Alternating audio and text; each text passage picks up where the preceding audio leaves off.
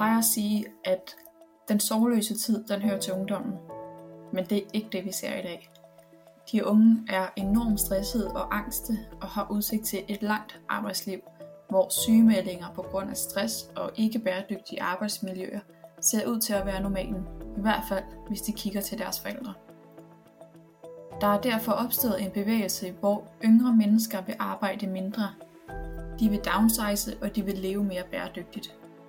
De vil ikke have mere økonomisk vækst. De vil have mere fritid. De vil have deleøkonomi i stedet for en stor bil. De finder sig ikke hvad som helst på arbejdspladsen, og de siger op uden nødvendigvis at have noget andet på hånden. Der lurer et oprør, hvor de unge ikke gider at fortsætte den levestil, som deres forældre har levet. Samtidig så har vi et erhvervsliv, som akut mangler arbejdskraft. Virksomheder må sige nej til arbejdsopgaver og holde lukket, fordi der ikke er personale nok. Så fra et erhvervsperspektiv melder sig selvfølgelig spørgsmålet, hvilke konsekvenser får det for vores erhvervsliv, når de unge vil arbejde mindre?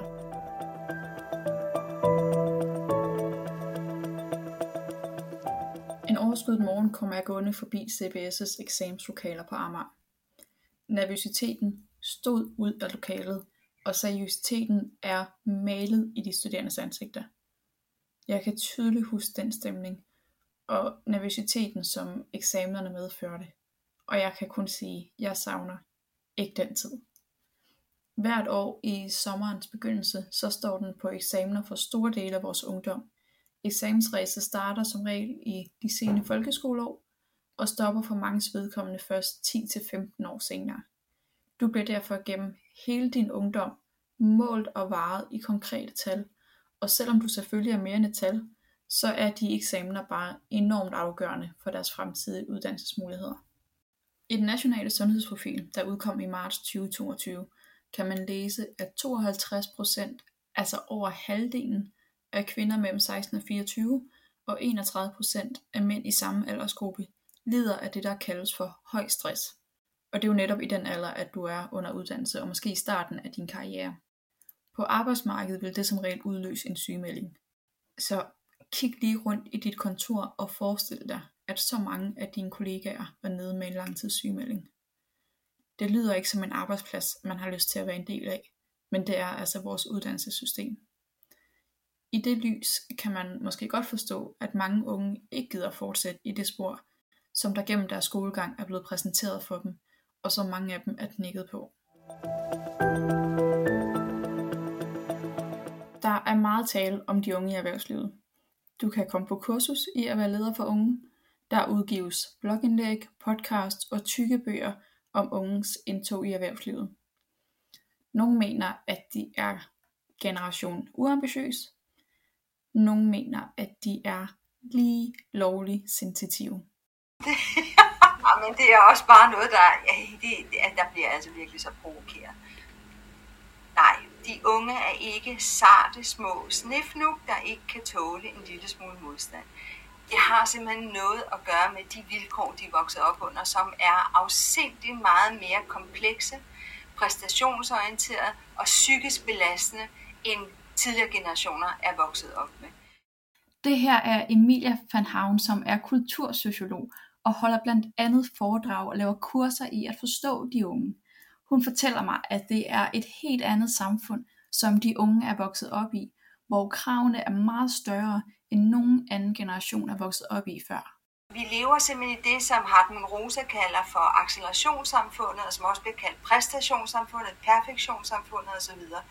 Og det vil sige, at eliteniveauet er gået hen og blevet normalniveauet, og normalniveauet er nærmest gået hen og blevet taberniveauet.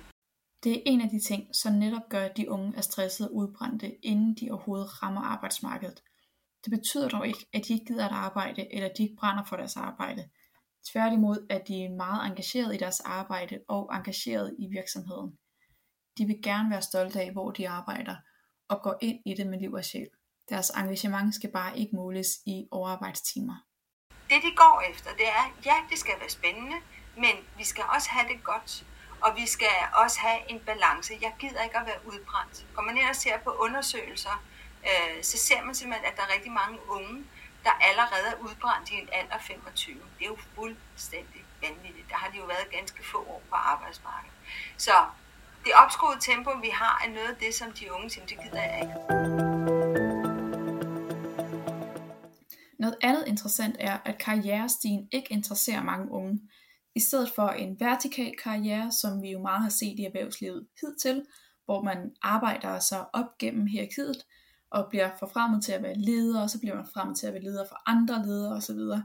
Det tiltaler på mange måder ikke de unge i dag, som det har gjort med tidligere generationer. Og det er der en særlig type virksomhed, som bliver ekstra hårdt ramt af. Og det er noget af det, jeg møder allermest i for, altså de, de virksomheder, som ellers har været partnerbaseret. Ikke? Øh, advokatfirmaer, revisionsfirmaer, konsulenthuse.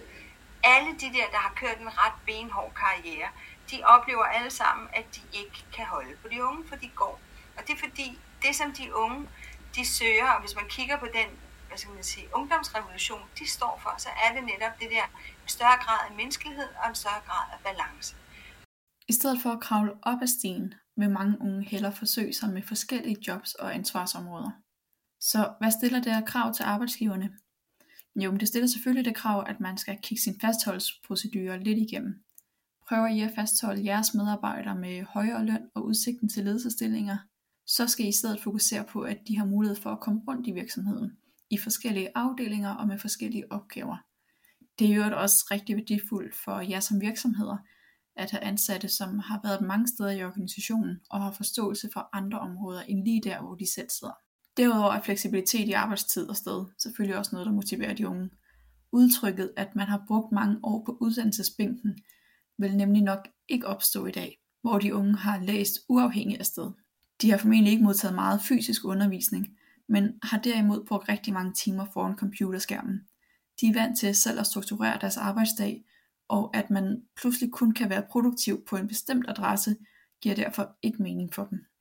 Der er måske nok nogen, der sidder nu og tænker, jamen det er da bare rigtig fint, at de unge har alle de her forventninger og krav til arbejdsmarkedet. Men må ikke de på et tidspunkt finder ud af at indrette sig og blive en del af den almindelige arbejdsstyrke? Jo, måske. Og det er jo ikke fordi, at vi ikke har et godt arbejdsmarked i Danmark. Vi skal jo ikke kigge meget rundt i verden for at se, at det danske arbejdsmarked på mange måder er super godt. Alligevel så kan vi bare heller ikke benægte, at vi også har et erhvervsliv, som er præget af, at mange får mentale sammenbrud, og det ser ikke ud til at være en tendens, der har tænkt sig at gå væk af sig selv. I virkeligheden kan vi jo se det som et fantastisk fint sundhedstegn. Øh, de reagerer jo sundt på en usund situation. Vi, vi, vi taler om, at stress er en folkesygdom. Altså, det viser os med al tydelighed, at vi jo ikke forstår at skabe nogle livsvilkår, som faktisk er egnet til mennesker. Altså, hvis man skal være meget firkantet, så er min øh, hvad skal man sige, påstand, at vi har lykkes med at skabe et samfund, der simpelthen ikke er egnet til mennesker. Fordi når, det er jo ikke bare stress, vi ser det på. Vi ser det på diagnoser med øh, angst, depression, ensomhed er konstant stigende, søvnløsheden er konstant stigende osv. Så vi ser en lang række markører, som viser, at vi har simpelthen skabt et liv og et samfund, der ikke understøtter en menneskelig form for liv. Øhm, og, og det er så det, som de unge i virkeligheden gør oprør imod, og viser os, at det der, det skal ikke være sådan. Så selvom det umiddelbart ikke lyder godt for vores erhvervsliv, der akut mangler arbejdskraft, så kan vi måske alligevel lære noget af de unge mennesker, som kommer ind på arbejdsmarkedet de her år. Måske kan vores erhvervsliv faktisk vinde på medarbejdere, som insisterer på et mere bæredygtigt arbejdsliv, hvor forhåbentlig færre bliver sygemeldt med stress. Et arbejdsliv, hvor det ikke længere er et succeskriterie at komme op i hierarkiet eller at tjene flere penge, men at have et balanceret forhold til sit arbejde på den lange bane.